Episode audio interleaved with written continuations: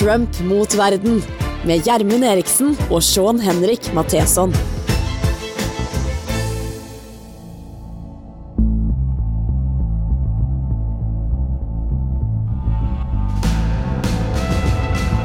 Ah, I dag skal vi til noe, til noe kjent eh, og for mange kjært. eh, Et korthus. Det er jo fra en uh, tid da en president uh, var i fiksjon, uh, og da fiksjon overgikk virkeligheten. Frank Underwood. og hvor vi syns det der er jo artig nok på TV, men det skjer ikke i virkeligheten. Hør etter hva Frank sier her.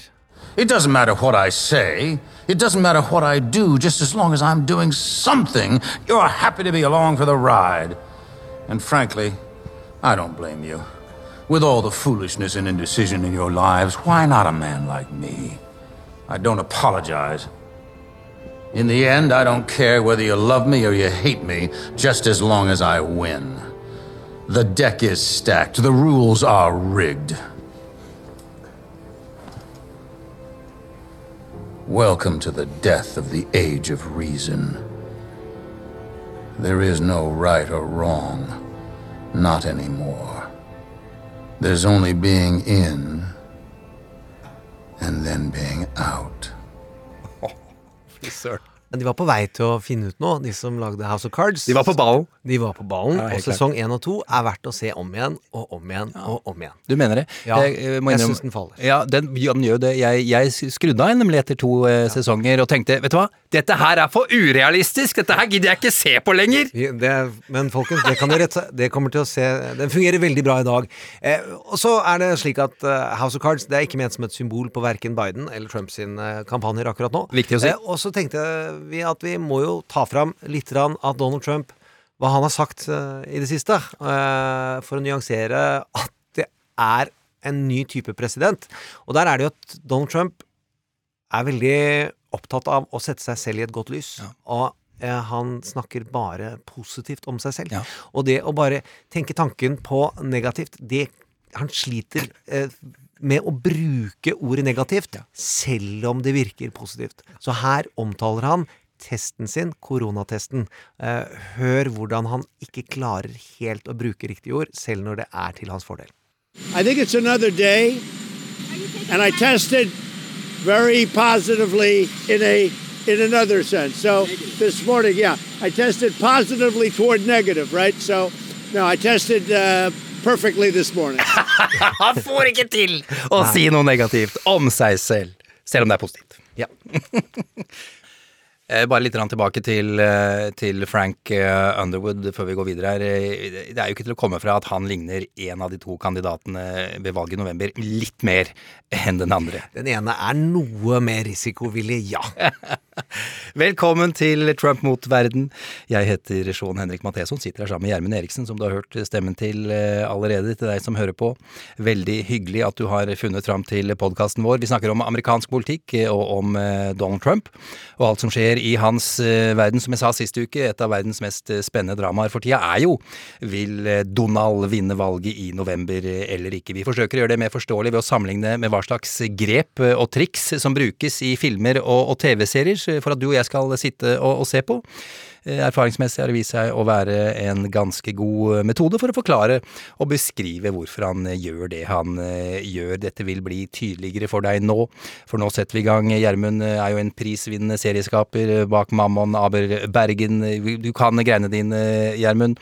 Det er fredag formiddag.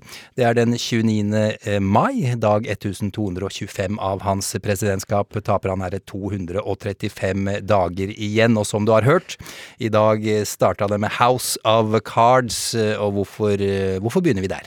Jo, eh, fordi hvordan underbevisstheten utnyttes i film og serier, men også i politikk, syns jeg er veldig interessant. Og da dette fenomenet, som man i manusverden og i TV-serie- og filmverden kaller subliminal eh, påvirkning. Subliminal påvirkning. Nettopp. Ja, og det er noe man prøver å jobbe med i manus, men som også jobbes med av produksjonsdesigneren og regissøren.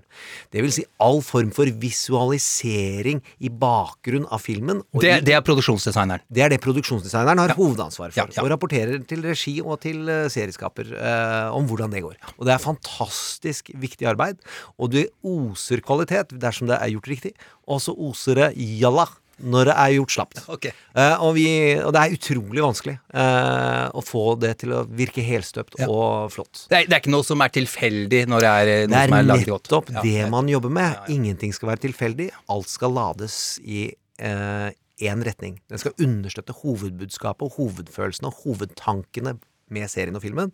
Og det er det samme i politikk. Man prøver at alle utspill, alt skal henge på greip, og sørge for at tanker, følelser og ord drar i samme retning. Og der er David Fincher med House of Cards. Når han drar i gang, sammen med en legendarisk mannsfatter, eh, og vi vet at den bygger på en britisk, men når de flytter dette inn i amerikansk virkelighet, så handler det om Frank Underwood, som starter serien. Og jeg, nå spoiler jeg ikke mye, for dette er de første 20 minuttene. Ja. Han er så fornøyd. En ny president har blitt valgt, og han er tredje øverst i Representantenes hus, og han har fått han valgt ved hjelp av alle disse kandidatene, og han skal lage fred i verden. Han snakker om trickle down diplomacy. Eh, det er hans store idé. Og så kommer presidenten og sier Frank, sorry, du får ikke blitt utenriksminister likevel. Jeg liker det der trickle down diplomacy. Det er en bra idé. Det gir jeg til han jeg utnevner. Du må fortsatt være i Representantenes hus, for du gjør jo en helt usannsynlig god jobb. Og Frank går ordentlig inn i kjelleren først, og så går han til kona, og han sier 'unnskyld, jeg har svikta deg', og så sier hun 'du sier faen ikke unnskyld til meg'! Vi sier aldri unnskyld. Og så går hun og er skuffa og sinna, og så går han til vinduet, setter seg, tenner opp en røyk, og han hylles av røyk og mørke. Og så kommer Claire ned. Og så- Kona hans. Ja, og så sier han følgende. How long you been up? Hours. I know what I have to do. Good. We'll have a lot of nights like this. Making plans. Very little sleep. I expected that. It doesn't worry me.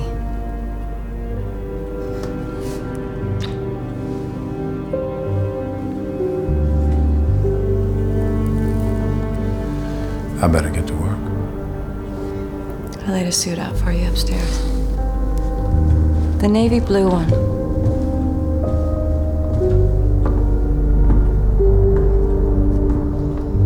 I love that woman.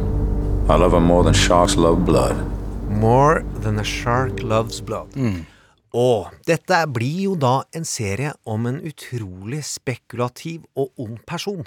Og det David Fincher gjør da, er å utvikle et symbolmønster som skal dra oss til denne onde personen, eh, og prøve å bruke våre drifter, underliggende drifter, til å allikevel hekte på denne Frank Underwood. Ja.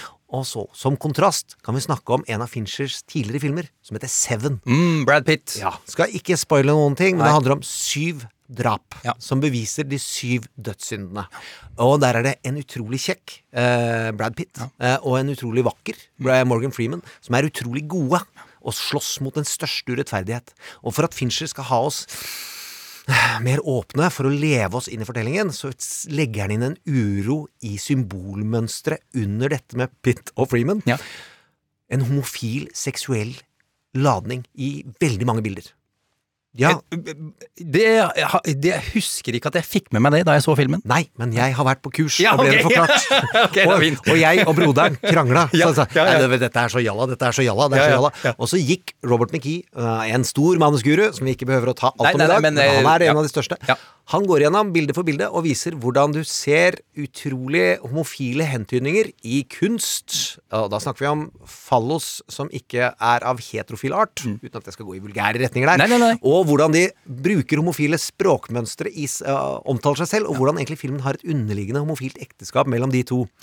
Og det gjør den jo i et USA og i en virkelighet der homofilt ekteskap fortsatt ikke er uh, akseptert. Det er en uh, gammel film her, folkens. Ja. Og for å så en uro, sånn som du dras mot Freeman og Pitt, fordi de er så kjekke og de vakre, og så er det noe rart med den seksuelle ladningen som han vil at skal skyve oss vekk fra fortellingen. Men, men det er ikke sånn at han, at han eh, forteller ved denne symbolbruken at homofili er feil og det Ikke er gærent. det Nei, det er motsatt, ikke sant? Nei. Vi skal bare føle uro fordi vi er ikke vant til det, er det det på en det måte? er Ja, for eller- å ja. tukle med følelsene våre, sånn at vi blir mer åpne for tanker og følelser. Altså være urolig, det er, hjelper i en thriller. Mm. Men- og Fincher har sagt veldig tydelig dypest sett så er folk seksuelle. Ja. Så han tenker alltid når han lager en fortelling, at først hvordan lader jeg den driften?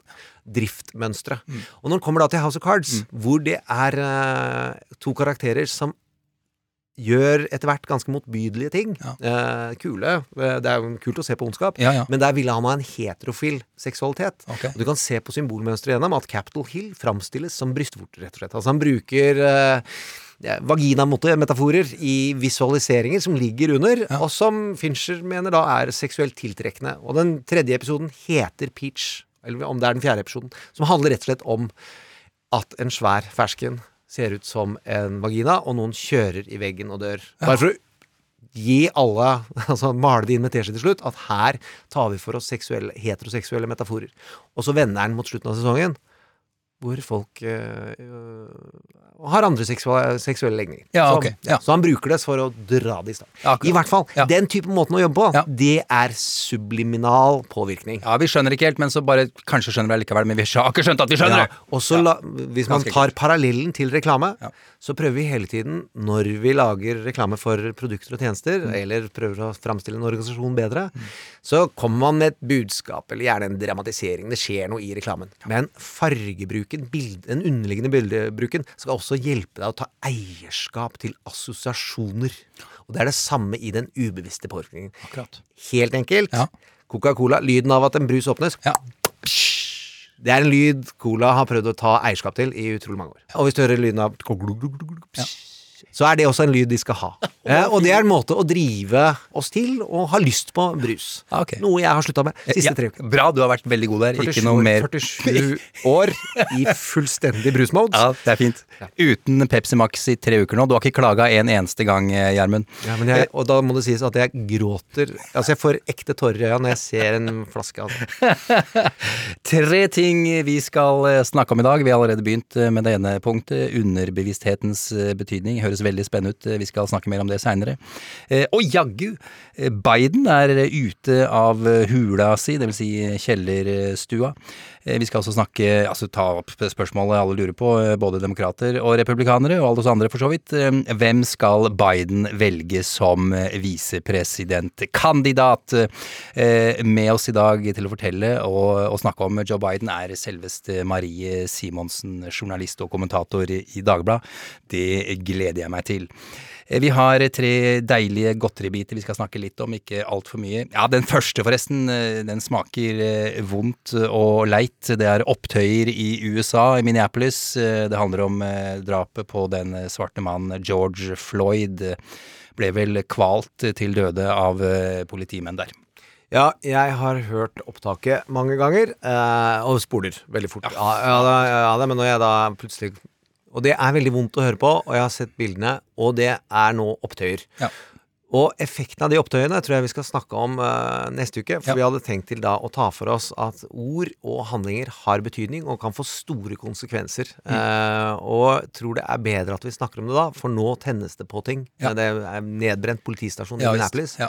Eh, så mer enn å kommentere levende bilder, så tror jeg at vi må vende tilbake til det. Men dette har eh, kan ha konsekvenser for valgkamp. Ok.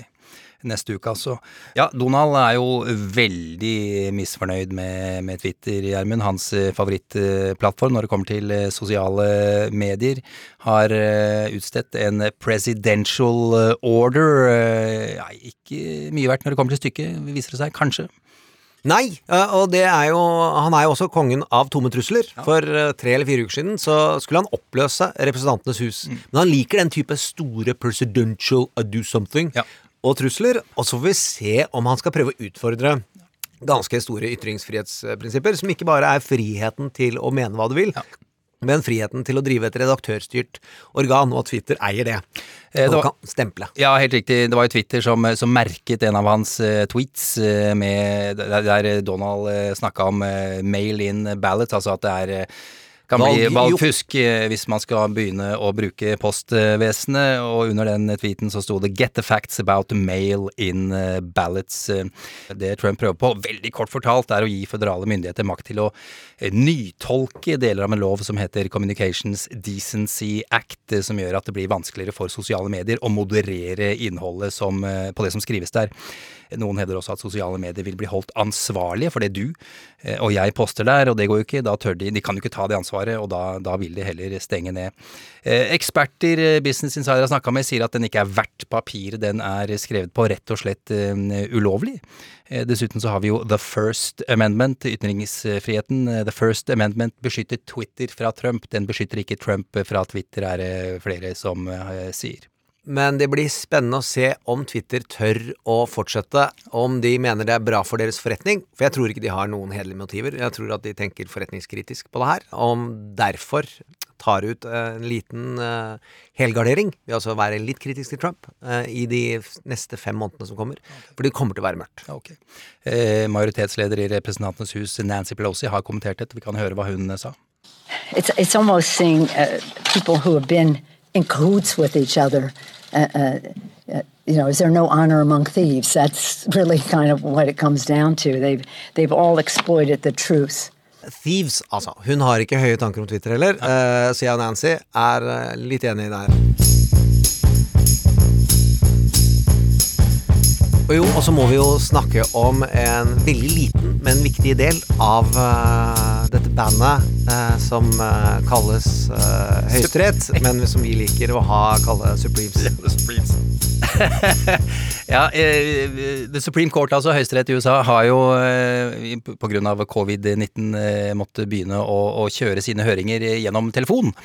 Og vi venter jo veldig på hva resultatet blir av om hvorvidt Donald Trumps eh, skattemeldinger blir til, eh, altså gjort offentlig eller ikke. Det er liksom det vi venter eh, veldig på. Men eh, gjennom eh, denne runden, altså med telefonbruk i Gjermund, så har det kommet fram noe annet veldig interessant i forhold til eh, Høyesterett. Ja, god gammel humanistisk språkforskning, Ja. og at det ikke står til bedre der enn det gjør i mange deler av verden, også i Norge. Nemlig at eh, den mannlige lederen avbryter kvinner mye mer enn han avbryter menn. Eh, gjennomgående. Og han tror at eh, mennene snakker mindre enn kvinnene, og det er kvinnene som snakker minst. Og de tror, eh, har ikke klaget på det, for det det gjør de ikke. Men det var en kartlegging av taletid og eh, avbrytelser. ja. Og litt trist at det eh, er slik der òg.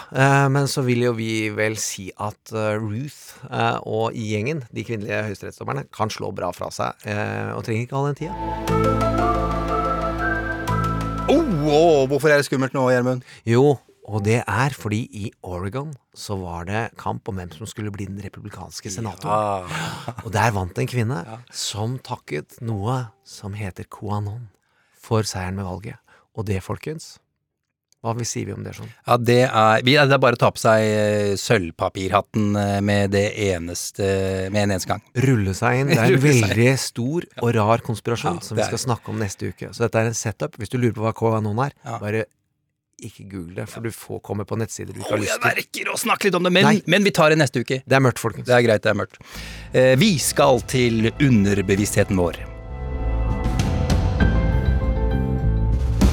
Trump mot verden med Gjermund Eriksen og Sean Henrik Matheson. President eh, Donald Trumps gjenvalgskampanje dundrer på. Eh, Budskapet er som følger Alt er Obamas feil!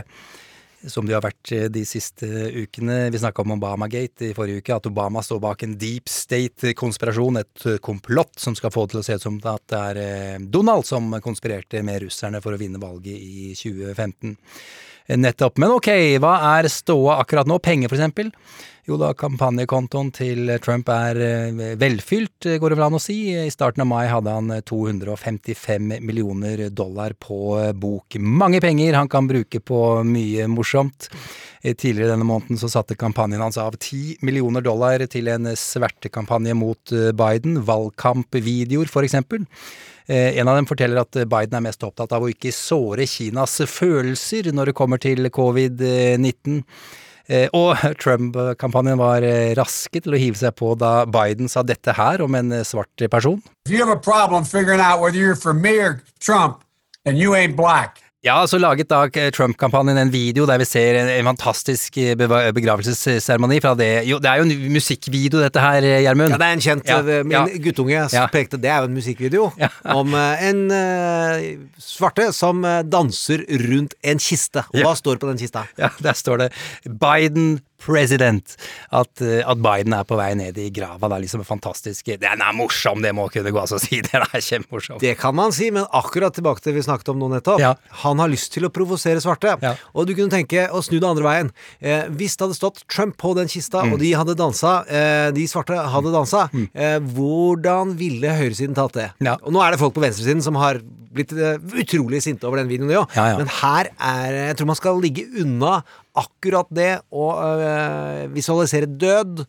Bør man eh, ikke gjøre til sin kampanjebudskap. Nei, ok, jeg skjønner. Jeg har dårlig humor, eh, med andre Nei! ord. Jeg syns du var morsom sjøl, men jeg tør jo ikke si det offentlig. Nei, nei. og Jeg, men jeg, vi er jo ikke i kampanjen. Nei, vi er jo ikke det i det, det er, hu, hele tatt. det er humor, ok. det skjønner jeg, men det har den bieffekten og er i dette Riot-Amerika som skjer akkurat nå. Ja, det er helt riktig. Gjermund, mens du og jeg snakka sammen nå, så fikk jeg produsent Jon Branes inn på øret her. Han, har, han følger med på, på nyhetsbildet. Eh, Og BBC melder eh, nå, bare for en liten stund siden, at eh, Twitter har nå skjult en av Trumps tweeter. Fordi han har da glorifiser, han glorifiserer vold i forhold til det da som skjer med opptøyene vi opplever i USA etter at denne svarte mannen ble drept av politiet i Minneapolis. Eh, og der står det nå This tweet, som Twitter da har skrevet This tweet violated the Twitter rules about glorifying violence. However, Twitter has determined that it may be in the public's interest for the tweet to remain accessible. Og så skal du da trykke på en lenke, og så får du opp denne Hva står det da? jeg har trykka på lenka her, jeg skal ikke ta hele, for den er ganske lang. Begynner med These thugs are dishonoring the memory of George Floyd. Bla, bla, bla. Slutter med denne setningen. When the looting starts, the shooting starts. Thank you. Ja, det er nettopp det mørket vi har planlagt neste uke. Ja. At ord har konsekvenser, eh, og det der er skummelt. Han har da 80 millioner eh, følgere. Rekorden er fantastiske 142 tweets på én dag fra januar i år. Under eh, riksrettshøringene i midten av denne måneden så kom det over 100 på én dag. Eh, Washington Post har, har laga en artig liten sak. De har estimert at eh, dersom Donald bruker ett minutt på å skrive en tweet, ett sekund på å retweete en annen tweet, så har han brukt eh, fram til 12. mai 9 dager, 17 timer og 36 minutter på å tweete. Vi tar dette med en, en klype salt. Stor det er-. Det er en fyr som heter Dan Scavino, som Ja. også gjør mye av tweetinga hans. Ja. eh, hvor man kan spore forskjellene, eh, fordi Dan har ikke så mange skrivefeil. Nei, nei, men det er artig lal, Ja, eh, som eh, jeg har lyst til å si. Eh, Vel, tilbake til, eh, til videoer da, og alt det andre vi, vi får fra, fra Donald. Det er jo in your face-kampanjearbeid. Du får det midt i trynet, enten du liker det eller ikke. Eh, Og sånn vil det være fram mot november. Det amerikanske folk vil bli bombardert med inntrykk, og disse kampanjefilmene er jo rimelig tydelige. Nå skal vi snakke om hvordan folk påvirkes enten de vil eller ikke, eller kanskje mer riktig, enten de skjønner det eller ikke. Hvordan påvirker eh, disse kampanjene oss på det ubevisste planet? Du er jo en gammel reklamemann, eh, Gjermund. Eh, Lurt meg og de som hører på til å kjøpe masse meningsløse ting i årevis. Dette har du greie på. Jeg fikk i hvert fall jobba som det. Så det men han er ikke Vi sier ikke at han er en David Fincher, og det er ikke så finmasket, men det kan være greit å bare gruppere opp de tre store områdene som Donald bruker til å plante assosiasjoner som ikke kommer av den direkte kommunikasjonen han holder på. Litt komplisert sagt, men allikevel. Det ene er jo brandingen. Hvordan ting blir pakket inn. Eh, som er det samme som produksjonsdesign på mange måter. Og styres i reklamebransjen av en art director, mens vi kalles produksjonsdesignere i film og TV.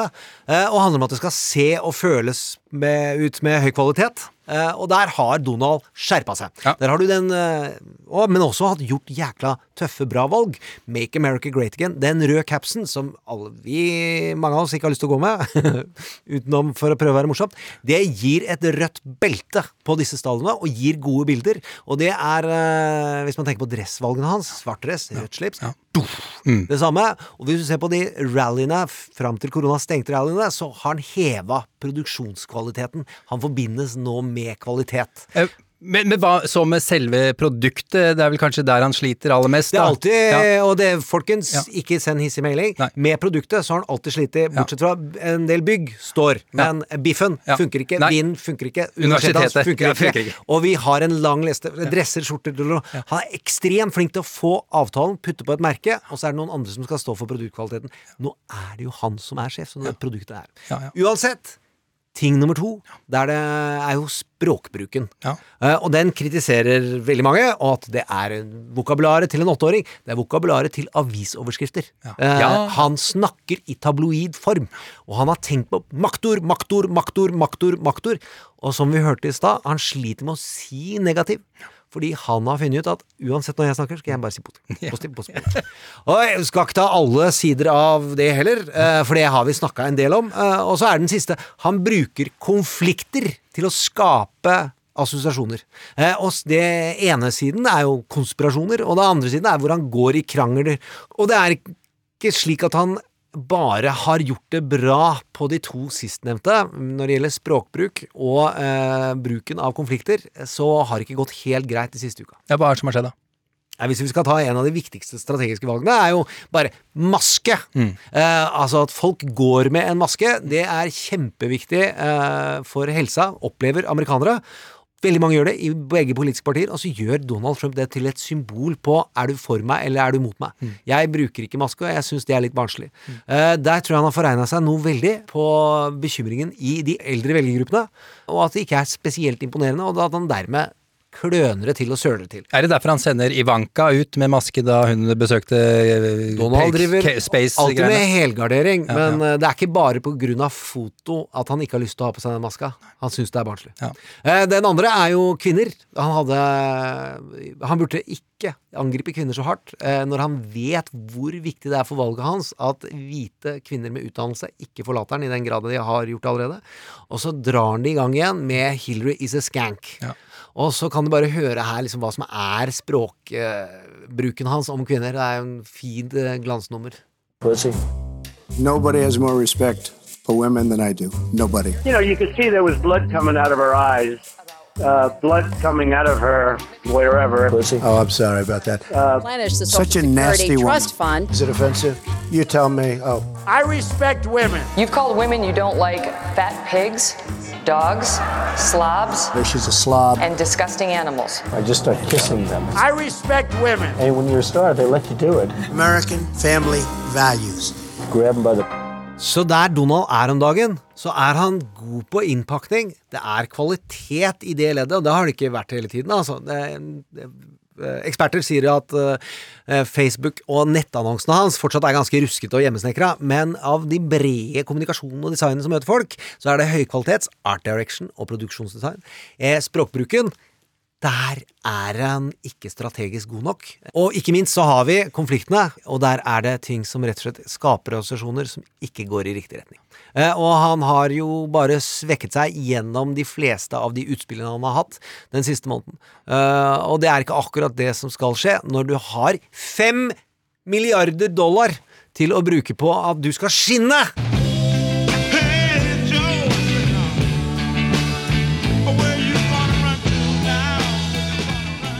Joseph Robinette Biden jr. Det er Joe Bidens fulle navn. Visepresident under Barack Obama, nå høyst sant Du begynner å glise der, Gjermund. Jeg visste ikke om Robinette. Du hadde jo ikke hørt om Robinette? Nei, det Ikke ærlig, på jeg være helt ærlig med deg. Har førsteplata. Eh, 77 år gammel, vinner han valget, rekker han å bli 78 før han inntar presidentkontoret, har bursdag i november. Den eldste valgte kandidaten i USAs historie i, i så fall. Hans tredje forsøk stilte også i 1988 og 2008. Født i staten Pennsylvania i byen Scranton, eh, til en familie som i utgangspunktet var eh, velstående. Eh, Men faren tapte det meste av pengene på uheldige investeringer da Joe ble født. Kom seg til hektene riktignok, faren, og ble bilselger, en, en veldig god bilselger. Eh, og etter hvert levde de et eh, trygt eh, og solid middelklasseliv. Flytta til Delaware på østkysten av USA, Atlanterhavet rett inn fra høyre. Studerte både historie og statsvitenskap, konsentrerte seg aller mest om juss og ble jurist i 1968. Fun fact, i USA så er det stor stas å bli den beste eleven i kullet. Av 85 mennesker som besto eksamen, kom Biden på 76. plass. Ikke noe skolelys, med andre ord. Fun fact nummer to, dette løy han om da han stilte som presidentkandidat i 1988, hevdet han var topp 40.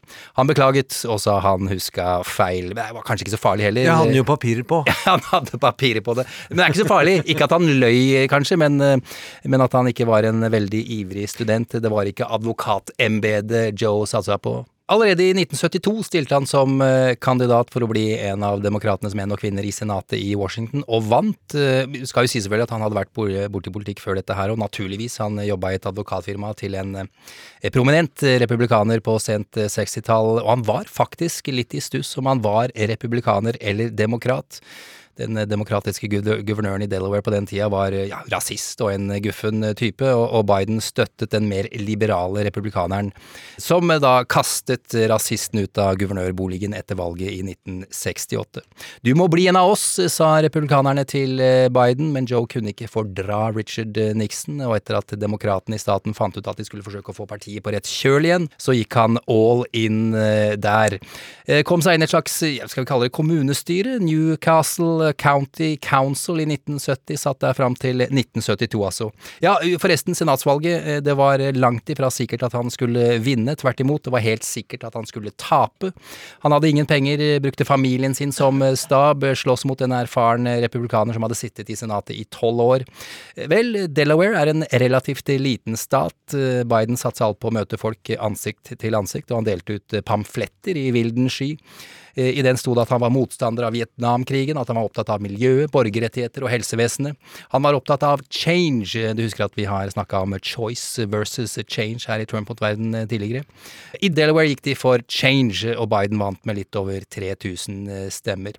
Gikk inn i Senatet i 1973, og der ble han værende helt til 2009, da Barack Obama slo på tråden og ba om å bli USAs 47.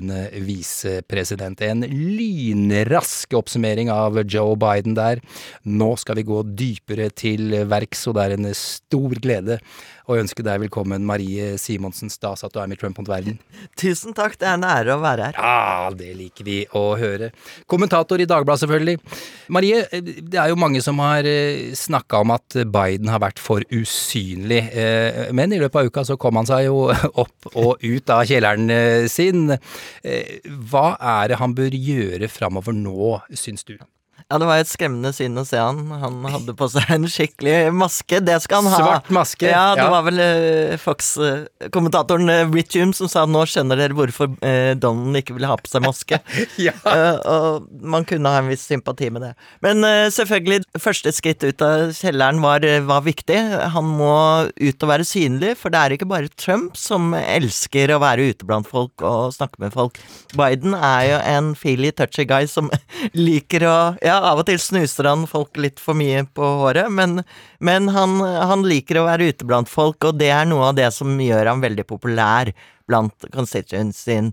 Og det er også det som har gitt ham et litt sånn at han er en rough, eh, liksom litt sånn tøffing. Han, eh, han blir jo vanligvis, eh, i hvert fall i dette valget, fremstilt som en veldig liksom sentrum-guy, straight guy, men, men ute blant folk så er han jo litt, litt sånn temperamentsfulle Joe. Og det var vel noe av det siste som skjedde før lockdown, var vel at han var på et besøk hvor han kom i skikkelig huggeri med, med en velger og hvor Biden liksom trådde til og skjelte han ut, og det var nummeret før det var fysisk basketak. Ja. Og da var det jo litt sånn delte meninger om var dette ille, og gikk uh, Joe nå bananas, og var han ikke helt i balanse. Men jeg tenker at det er en av hans største styrker, og at folk, uh, folk liker å se at du er, er lidenskapelig og tror på det du står for. Noe av det eh, viktige som for sånne kandidater er å gjøre en av dine labile tendenser til din styrke. Eh, og heller gjøre det oftere. Altså Gå ut og vær ærlig og skyt fra hofta. Han liker westernmotaforen, det har vi snakka om før.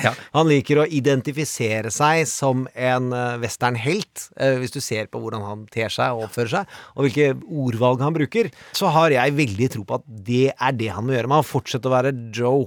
Og vi skal jo kanskje snakke litt om at han ellers er blitt kritisert for å være litt fomlete og sånn. Ja. Og det, Ja, det og det er han jo nettopp ikke i sånne øyeblikk. Ja, ja. Da er han uh, går rett på og snakker tydelig og klart. Vi kommer til fomlinga, som er veldig morsomt. Men en annen ting eh, som jeg antar kan være en av hans styrker, er vel hans eh, evne til å vise empati, Gjermund. Ja, det er jo det Det er det veldig mange har framhevet òg, Ja, ja. men han er jo da kjent for å ha hatt en utrolig sterk personlig fortelling, eh, som Marie også Han, kjenner. eh, han eh, var jo Først var en tragisk eh, ulykke som, eh, hvor eh, både konen hans og datteren omkom i en bilulykke. Og han eh, oppdro da sine to sønner Bo og Hunter på egen hånd, og etter hvert med Jill, selvfølgelig. Og så ble han rammet av tragedien igjen, da favorittsønnen, tror jeg det er, er mulig å si. Ja, som pappa så vil jeg si at det ikke fins favoritter Ja, blant ok, dem. men at jeg skal tenke. men jeg- jeg men han mener var i Ja, ja, hvert fall i det offentlige øyet, så var han liksom the favorite son når man snakket om at Bo skulle Han kunne virkelig bli president. Mm. Så rammet tragedien igjen, og Bob fikk eh, hjernekreft og døde. Og hvis du skal ta dette til hvordan det er politisk håndverk for Biden, er at han er kjent for veldig mange andre nære allianser og politikere. At hvis folk har hatt det tøft og hatt det vanskelig, så kommer Joe, og han får deg til å skjønne at han ser deg. Altså Clinton-magien, at du føler deg sett. Men har ikke hørt noen som ikke mener oppriktig at Biden får folk til å se den smerten de har, og at han tar det på alvor. Og han syns synd på deg, og så snakker han litt om hvordan kommer deg ut av smerten. Og det er jo ikke overfladisk. Altså, du hører utallige historier om at han har tatt kontakt med folk som han har møtt, eh, utenom at han gjør et stort nummer av det i media. Så dette er uh, ekte og viktig for ham. Og Lindsey Graham satt og gråt. Det er en politisk motstander lengst ute på den andre siden, og som nå er en Donald Trump-guy. Han satt og gråt når eh, Bo døde, og fortalte at ingen har betydd mer for han enn Joe Biden. Joe har en unik evne til å nærmest Morgan Freemansk, for de som klarer å ta den referansen veldig fort. Eh, det er en røst som også fungerer, altså rent sånn teknisk. Hør her, når det nå er 100 000 døde, derfor kommer han ut av hula, har på seg den svarte maska, ser litt ut som G.I. Joe Snake, for alle våre lyttere som var opptatt av det på 80-tallet. For dere andre, 100 000 amerikanere er døde, og den ene vil legge ned Twitter og drive med barnslige krangler. Eh, og dette sier Joe. 100,000 lives have now been lost to this virus here in the United States alone. Each one leaving behind a family that will never again be whole. I think I know what you're feeling. You feel like you're being sucked into a black hole in the middle of your chest. It's suffocating. Your heart is broken. There's nothing but a feeling of emptiness right now. But I can promise you from experience the day will come when the memory of your loved one will bring a smile to your lips before it brings a tear to your eyes. Det høres eh, veldig forskjellig ut eh, fra Trump, må jo si det. Ja. Det, er, det er vakkert, og selvfølgelig hvis vi hadde hatt eh, Google Translate her, så hadde det ikke gått på norsk, men eh, i Amerika går eh, Er dette noe som sitter? Her er jeg jo Marie uenig, men det tar vi i en annen podkast. ok, det er greit. Vi skal snakke litt om hans svake sider, og du har nevnt det allerede, Marie. Hans forsnakkelser, gaffs, som det heter på, på engelsk. Vi har, vi har noe best of-klipp her. Jeg vet ikke om vi bare skal dundre løs på de, Gjermund, eller hva sier du? Det blir jo dessverre aldri kjedelig, da. Nei, det, det er jo underholdende, må sies. But the Taoiseach knows a lot about it. His mom uh, lived in uh, in Long Island for 10 years or so. Uh, God rest her soul. And uh, um, although she's wait, your mom's still your mom's still alive. Is your dad fat? God bless her soul. I gotta get this straight. Det er jo sjarmerende òg. Det er kjempesjarmerende. Ja. Det han, her er, han går jo ofte Han sier jo nettopp det. 'Å, herregud, jeg må jo, nå må jeg skjerpe meg'. Vi har noen til. å høre her. We hold these truths to be self-evident. All men and women created by go. You know the you know the thing. Denne setningen burde han kunne. Ja, burde. Den er ikke så vanskelig. Hør på dette. No man has a right to raise a hand to a woman in anger other than in self defense, and that's rarely ever occurs. And so we have to just change the culture, period, and keep punching at it and punching at it and punching at it. It will be a big. Pro- no, I really mean it. it, it, make, it it's a gigantic issue. Tilbake til subliminal påvirkning, at man bør ha kontroll på de indirekte virkemidlene. Det er, Når du snakker om kvinne, kvinnevold, så ikke bruk punch, punch, punch! Som, Det er, en, eh, det er en dårlig metafor, ja. Nei, og her forleden sa han vel latinix. Eller Ja, ja, ja. kalte latinus. Så han uh, tråkker av og til i salaten, men det kan jo også være litt sånn sjarmerende og har vært en del av hans historie helt siden han var ung. Altså, vi har jo gamle klipp som viser at han uh, av og til fomler. Men utfordringen nå er selvfølgelig at han er 77. Og at det av og til virker da som om, eh, om det er andre ting som foregår. Og Donald Trump er vel ikke Han sier det vel rett ut at han tror han er litt dement. Ja, og om Donald Trump, ja. Det er en av de Ja. store strategiene til Trump-kampanjen, er å si Creepy Joe. Mm. Fordi han er en mann som tok på damer. Altså ikke på Ingen damer, bortsett fra hun som har anmeldt, Mm. har jo sagt at det har vært av seksuell natur. Han er en hugger, Mm. eh, og det skal du som mannlig leder eh, være holde deg unna Mm. eh, i for alltid, egentlig, og særlig etter metoo. Og det andre er jo at han er eh, Ryktet om at han er predement. Mm. Prøver de å plante og gjenta, og så finner de da disse språkfeilene som han snakker, og klipper de sammen og viser at han er det. På samme måte som de tok Hillarys sykdom, for du hadde feber en dag og svimte av. Men en av eh, Bidens største problemer er jo rett og slett at han er 77 år og har levd, har levd så lenge. Så han har jo Altså, hans voting records Man kan si mye, mye bra om den, men det vil alltid dukke opp noen eh, svarte flekker der som blir holdt mot han. Og eh, hans kvinnesyn er jo, selv om uh, det er riktig som Gjermund sier, at han, han har jo ikke blitt beskyldt for noe seksuell trakassering i den forstand. Han har blitt beskyldt for at han er litt nærgående. Ja, litt nær. Han er en litt sånn gammeldags guy, og veldig Ikke sant, hans forhold til Obama har jo vært veldig sentralt hele veien. Han bruker, snakker mye om det fremdeles. Det var liksom bromance. Så det er jo Han har et lite, lite kvinneproblem, kanskje. Men dette med gaffs og for så vidt eh, kvinneproblemet, er, hvordan tror du det vil påvirke støtten hans, Marie? Jeg eh, vil jo tro at han må passe seg litt for å, å gjøre noen virkelige tabber, og særlig i disse debattene som, som skal komme.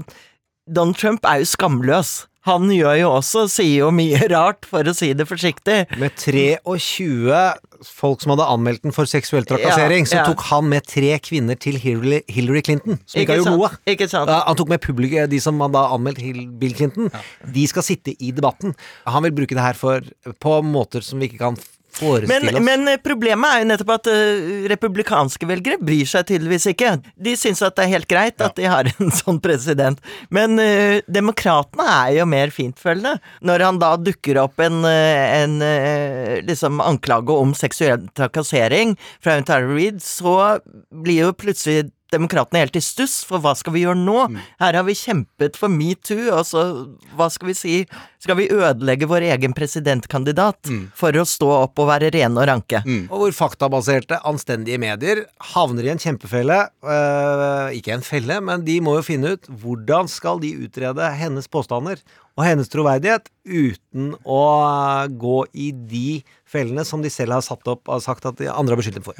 Biden eh, han må passe på å ikke gjøre altfor mye av disse feilene. Er de riktig Forstår jeg deg rett da, Marie? Bare når man ser på den strategien som Trump har lagt opp, så virker det som det er der han skal kjøre på han, og han kommer selvfølgelig også å fortsette å kjøre på China, Ukraina, Chinagate. Hunter, Chinagate. Gate. Og så er jo noe også som jeg tror Trump kommer til å kjøre hardt på, er jo eh, frihandel. At han vil fremstille han som en sånn veldig frihandelentusiast. Og der er jo Biden har, eh, har begynt å tråkke og si at jeg er for fair. Fair er det han eh, sier nå. Ja, ikke free. Everyone needs a friend sometimes to wake you up. Ja, det er lenge siden jeg har hørt den låta. Det må jeg si. 'Dance with a Stranger'. Eh, det store spørsmålet, altså.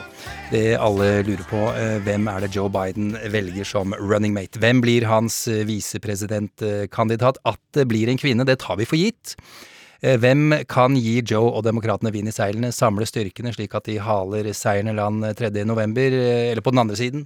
Hvem er det republikanerne med Donald Trump i spissen skal forsøke å rive i filler, spytte og tråkke på, slik at Biden og demokratene ligger utslått eh, og tapen igjen på, på slagmarken? Hvem blir det? Og det er viktig. Det er veldig, veldig viktig å velge riktig person. Et par eksempler der valget av visepresident har vært en innertier. John F. Kennedy valgte seg texaner og sørstatsmann Lyndon B. Johnson.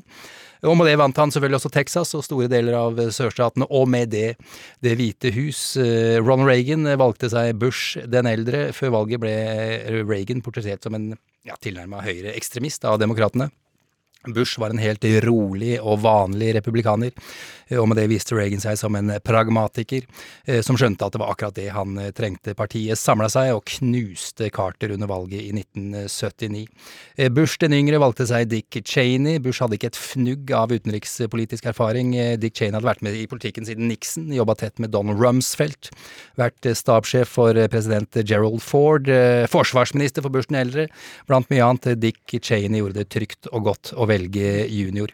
Eh, av valgene som ikke har vært så heldige, kanskje? Tja, ja. men, der skulle du si noe. Ja, Dick Cheney, det er noen som vil si at valget ikke var heldig for verden. Eh, han, vant valget, men Og eh, ikke heller for George Bush Juniors ja, ettermæle. Er den eneste som er ved siden av banden har fått Darth Vader-metaforen tredde opp etter seg, og som også smilte av det. Jeg, eh, jeg hører hva dere sier. Eh, Jo, eh, uheldige valg. Eh, Spyro Agnew, for eksempel, som Richard Nixon valgte seg i 1968. På den tida så vettet de ikke kandidater, altså de undersøkte ikke, eller granska fortiden for å se etter skjeletter i skapet. Han måtte gå av da det etter hvert kom fram at han var en gjennomkorrupt person, gangsternivå på det han holdt på med. Gikk av omtrent ett år før Nixon måtte takke for seg. Ja, og det er noen ganger så holder det å se navnet. Spiro Agnew. Det høres ut som en James Bond-skurk. Det Det, det. det sto jo på Han pakka. var, han var nesten verre skurk enn Nixon, og det skulle jo ganske mye til. Det er helt Han er, er den eneste som har holdt taler eh, av president og viserepresident eh, som er eh, i nærheten av Donald Trumps mørke. Eh, Vi tre har laget en, eh, en topp tre-liste over hvilke kvinner eh, vi tror Biden kan finne på å velge. Eh, Skal vi bare sette i gang eh, her, eh, Marie? Ja, øh, vi, den listen vil jo kanskje ikke være sånn sjokkerende. Nei, vi har ikke gått for sjokkerende. Har blitt kjent men, med eh, mennesket. Men jeg vil, jeg vil først eh, bare si, jeg må Ja. få lov til å si, jeg sitter her med Nasty Ja, Woman-T-skjorte. jeg sagt med en gang. Det er fantastisk Ja, T-skjorte. ja, Grå med store røde bokstaver. Nasty woman. Ja, så la oss ikke glemme hva dette også står om. Og, og det at han sier, Biden sier at han skal velge en uh, kvinnelig visepresident, er jo liksom historisk i den forstand at man vil anta at uh, dette uttrykket med at et hjerteslag unna presidentskapet Sjelden har vært mer er- relevant. Ja. Og i tillegg så er han en one term president hvis han blir valgt, og da er det faktisk en kvinne som vil være den ledende kandidaten. Du sier det allerede nå. Han vil bli en one term president. Han, kan ikke, han vil ikke gå for Han er 82, da. er Han har, vel ikke, han har vel ikke garantert det, men, men det er vel blitt ganske antydet at det kommer til å skje. Det er mellom linjene, syns jeg Ja. at det virker sånn, og han flørta jo med å gå ut med det. Og hvis Ja. du bare har sett eh, Og folkens, til våre eldre lyttere, altså opp i over 75 Biden har blitt eldre fra mars i eh, Veldig, fjor. det er sjokkerende å se. Altså på ett år, det, så har han begynt å bli se med, mar- merkbart eldre ut. Men tilbake men, til men, men det andre som jeg vil da fremheve, også før vi går løs på de enkelte kandidatene, er jo at det er et formidabelt felt av kvinner som nå uh, dukker opp som kandidater. Og når man eh, snakket om for noen år siden liksom at kvinner ikke kunne bli president, her er den ene etter den andre som gjerne kunne være klar til å ta over når som helst. Washington Post hadde en topp 11, eh, som vi syntes var sant? litt for lang. Eh, å ta, ta, ta til et norsk publikum. Kamala Harris. Marie, hva vil du si om henne? Hun har jo eh, Joe Biden har gått ut og sagt at han vil ha en visepresident som er sympatico. Eh, altså som han har et godt forhold til, og han eh, viser til forholdet mellom han og Obama. Og da er jo Kamala Harris eh, kanskje en god, eh, god kandidat. Hun er jo den som var favoritten. Allerede før racet begynte, kampanjen eh, begynte, primærvalgene, så var det hun og Biden som sto øverst på ticketen, som alle snakket om. Og hun er blant annet den fordelen at hun uh, har vært en god venn av denne Bo, som vi snakket om, sønnen til Biden. Er også har et langt og nært forhold til Joe Biden selv. Og så er hun uh, fremstår hun jo som litt mer progressiv enn Joe Biden, men ikke voldsomt uh, mer. Så de, så de passer som en match, fordi at jeg tenker at når alle snakker om at eh, han skal velge Elizabeth Warren eller noe sånt, så vil du jo ikke ha når en president kanskje må er så gammel som han er og står i fare av man har de bekymringene, så vil man ikke ha en som står for en helt annen politikk enn kandidaten. Okay, Så- k- Unnskyld, nå avbrøt jeg deg, Ja. eh, men eh, Marie. Men eh, hun har jo blitt beskyldt for å, for å ha, ha hatt en dårlig kampanje, en surrete kampanje. Hva, har det noe å si, tror du? Jeg tror jo det vil stå frem som at hun ikke har uh, velgertenke. Alle da hun gikk inn i, inn i primærvalgene, så var jo hun eh, nevnt som en mulig favoritt. Og hun gjorde det veldig bra tidlig på våren, og så bare ebbet det ut og falt sammen. Og en, eh, en av grunnene til det blir jo sagt at eh, velgerne var litt sånn i stuss. Hva i all verden står hun egentlig for? Når du først ser Kamala Harris, så tenker du for et fyrverkeri av en dame! Tøff, eh, beinhard i debatter. eh, hun liker vi. Og så, etter hvert som tiden gikk, så tenkte man nesten det motsatte, at hun var veldig lukket, at hun ikke fortalte noe særlig om seg selv, eh, og, og man ble også usikker om hva hun så for. Det er en stor advarsel til alle som lurer på er i en konkurransesituasjon, om det er i en bedrift eller strategi, eller om det er et mediehus eller hva som helst. Fraværet av valg. Hun valgte ikke tydelig i policy, vil si jeg står for det eller det, så hun safa veldig mye, og da blei hun uklar. Og så turte hun heller ikke, for hun hadde jo gått hardt i angrep med Biden, og ble liksom ledende med det. Så hun, da tenkte hun nå er jeg bare rolig, og så lar vi dette spille ut. Mm. Så det å ikke ta initiativ, og ikke tørre å stå for noe, er livsfarlig i primærvalg. Men vi- sj- sjekker jo på en del bokser. Nå er det jo blitt et økende krav at det ikke bare skal være en kvinne, men det skal være en svart kvinne. Ja. Og der, eh, der er jo hun en eh, kandidat. Indisk mor og en eh, far fra Jamaica. Vi skal gå videre, skal vi gjøre det, Gjermund? Ja. Til eh, Amy Klobuchar. Um, Hun har kommet lenger og lenger opp på listene, er mitt inntrykk. Hun er 60 år eh, når vi først skal eh, nevne alder. Hva er det ved, ved henne som, eh, som taler for at hun skal bli visepresidentkandidat, Marie? Klobuchar er jo Man snakker jo mye om Midtvesten, og her må man også tenke på hvilken strategi Joe Biden skal legge seg på. Altså skal han eh, Han har jo to hensyn å ta. I Trump-valget så var det jo liksom mange som sier at Hillary tapte fordi at hun mistet disse hvite arbeiderklassevelgerne. Og eh, hun uh, tapte i Wisconsin, ikke sant, som er midt eh, nabostaten til, til Klobuchar. Så der eh, tenker man at hun kan ta de velgerne der. Hvite arbeiderklassen er hun en eh, god kandidat. Men svakheten hennes er jo nettopp at hun også er en hvit sentrist-kandidat, og ganske lik Biden på den måten. I valgkampanjene så tror man at man får prosentpoeng i hjemstaten. Og så har de jo sett på alle visepresidentkandidater at det er ikke noe sikkerhet at du får hjemstatsfordelen. Noen deler av forskningen sier at du får 2% og noen sier at du ikke får. Får du 2% så sikrer du én stat.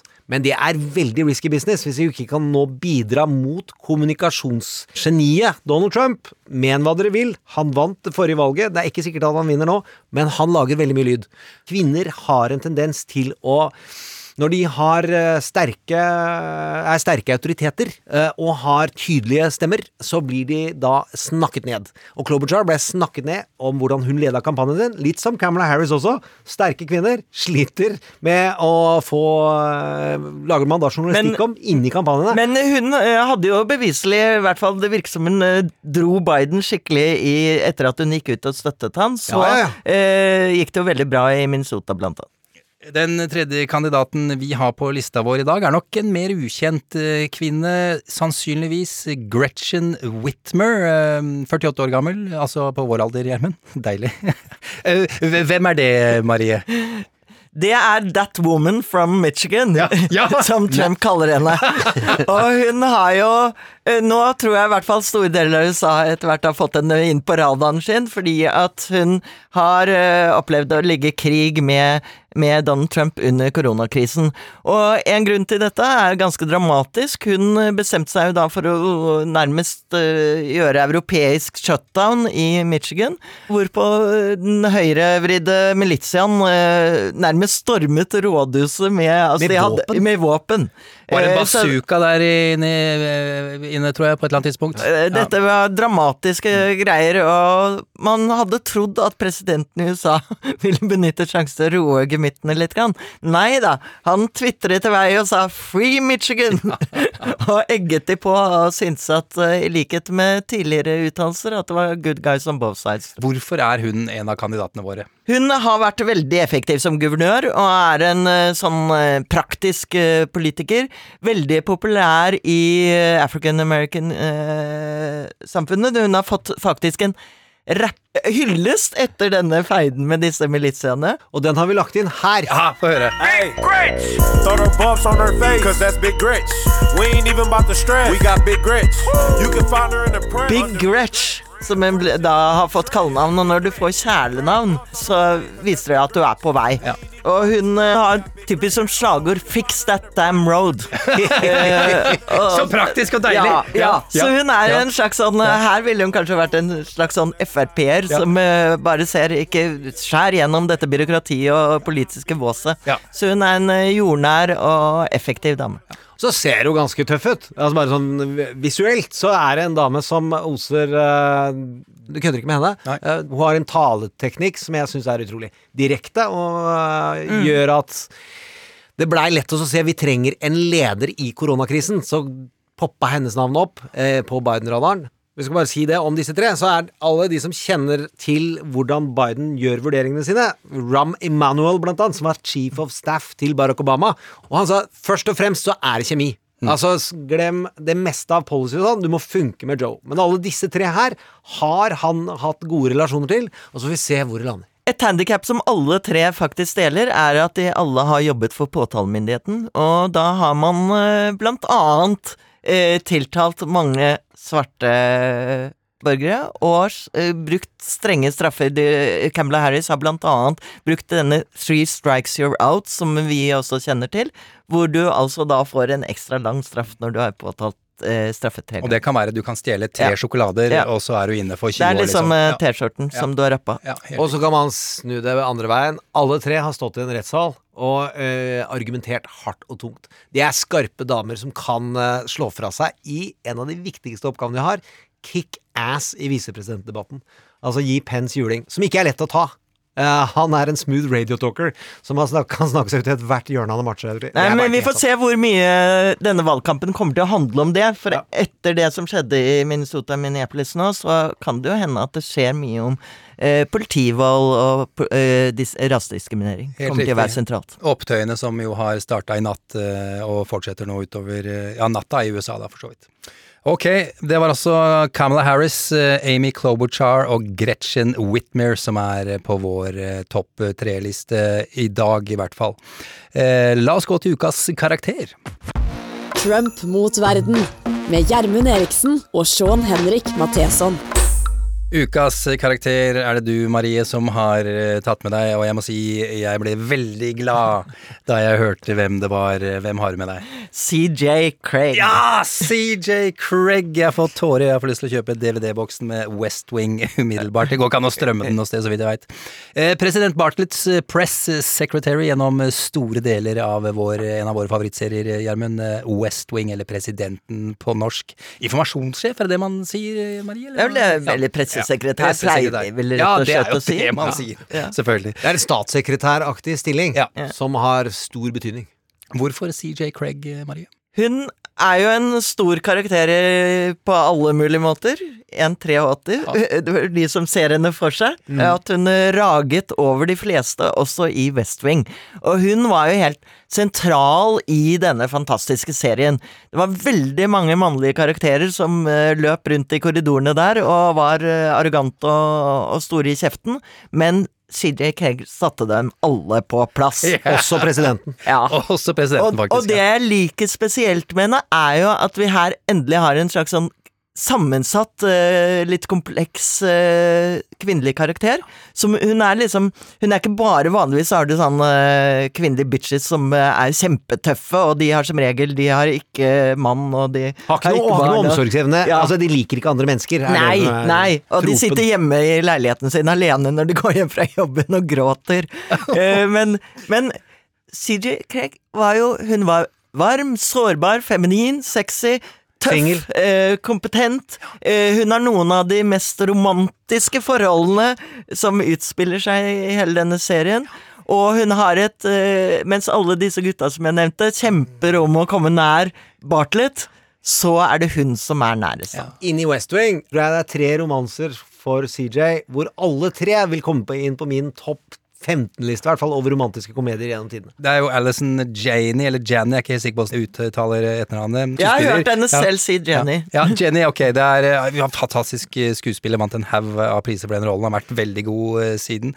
Vi har en scene, Gjermund. Ja, og den er uh, får fram litt av eh, temperamentet og hvordan hun ser verden, men husk også at eh, Sorkin skrev dette i, på slutten av 1999, tror jeg, og han skriver da om internett. Josh Lyman, som er deputy chief of staff, dvs. Si nest øverst i regjeringsadministrasjonen, han har begynt å se på en nettside som heter Lemon Lyman, en sånn fanside på internett. Sorkin har jo da denne kommentaren om kommentarfelt allerede da. Også viktig å huske på, Gjøkeredet har viktige referanser, og den mannlige referansen det, Han dør, det er Jack Nicholson, eh, og den kvinnelige referansen er den eh, gærne kvinnelige sykepleieren. Hør om eh, CJ setter den på plass, eller om det er noe rom for tvil om hvem som eh, har rett i dette. The federal page of the Washington Post just called Carol to confirm that you're the Josh Lyman who stated on an internet website that the White House could order a GAO review of anything it wants. Without threatening the separation of powers, is what I was saying. You posted on a website? I was communicating with the people. Really? It's a crazy place. It's, it's got this dictatorial leader who I'm sure wears a muumuu and chain smokes parliaments. What did you go there for in the first place? It's called lemonlyman.com. Let me explain something to you. This is sort of my field. The people on these sites, they're the cast of One Flew Over the Cuckoo's Nest. The moo wearing parliament smoker, that's Nurse Ratchet. When Nurse Ratchet is unhappy, the patients are unhappy. You, you're McMurphy. You swoop in there with your card games and your fishing trips. I didn't swoop in. I came in exactly the same way everybody else did. Well, now I'm telling you to open the wardroom window and climb on out before they give you a prefrontal lobotomy and I have to smother you with a pillow.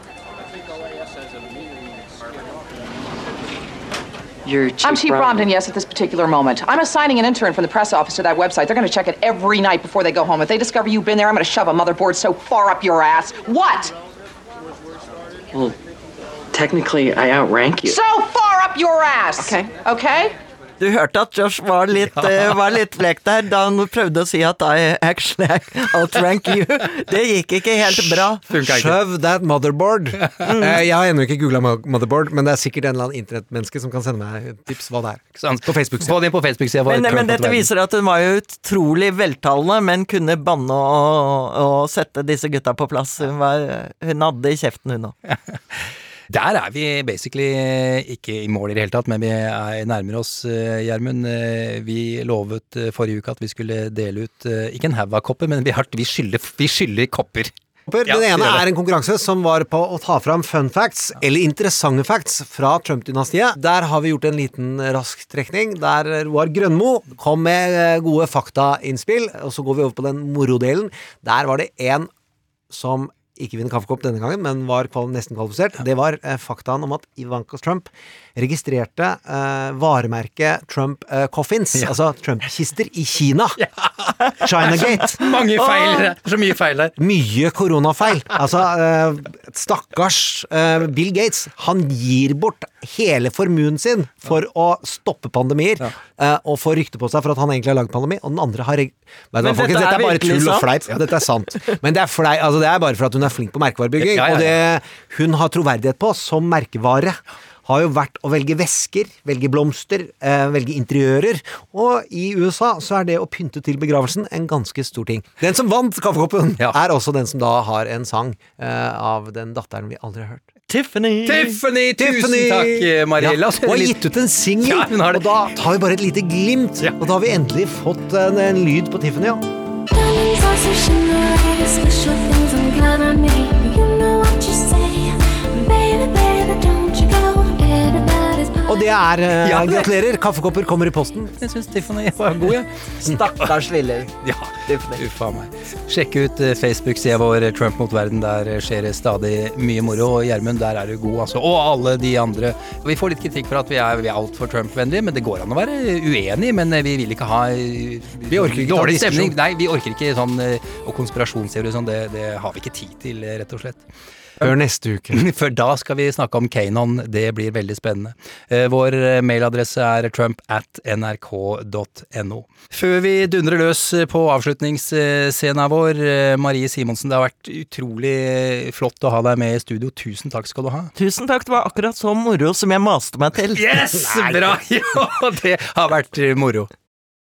Eh, Det eneste som gjenstår nå, er eh, ukas åpningsscene fra den helt fantastiske, dyre og flotte TV-serien eh, som heter Trump mot verden. Vi har jo en Spotify-liste der, Gjermund. Ja, den alle seerne har sendt ut og nominert. Hva er den kuleste låta? Begynne en serie om Trumps presidentskap når den skal bli fiksjon en gang. Og ba, uh, ut fra det så komponerer vi, uh, og denne gangen du, eh, en åpningsscene uh, som denne gangen går som følger. Ja, er dere klare? Marie, vil du høre? Ja, kult. Yes. Ok. Bildet fader inn fra svart. Eh, Vi er i noe som ser ut som et kostbart og fint hus, eh, i noe som ser ut som en liten stue. Høyt under taket, tjukke tepper på gulvet, på veggene henger det flotte malerier, kostbare møbler. Vi ser to tjenere som lener seg inn mot en stor dobbeltdør. De tyvlytter på noe som skjer i det andre rommet. Vi hører svakt at en kvinne skriker og bærer seg.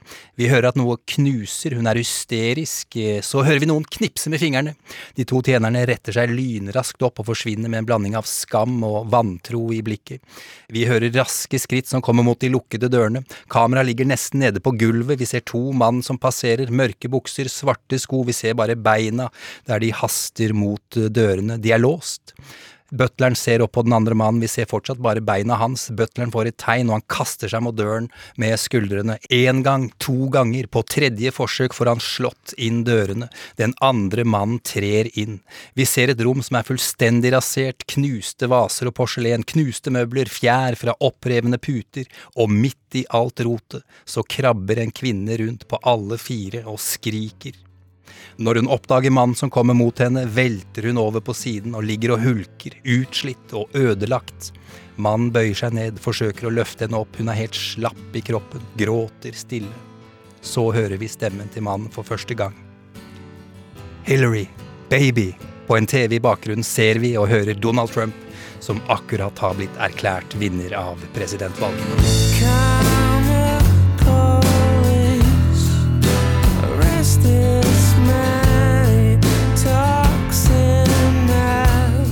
It's a distraction. I opened this meeting talking about testing, how it's going to save lives, open our economy, send our kids back to school, save lives, and the rest. We're talking about Twitter. So let's get back to saving lives, okay?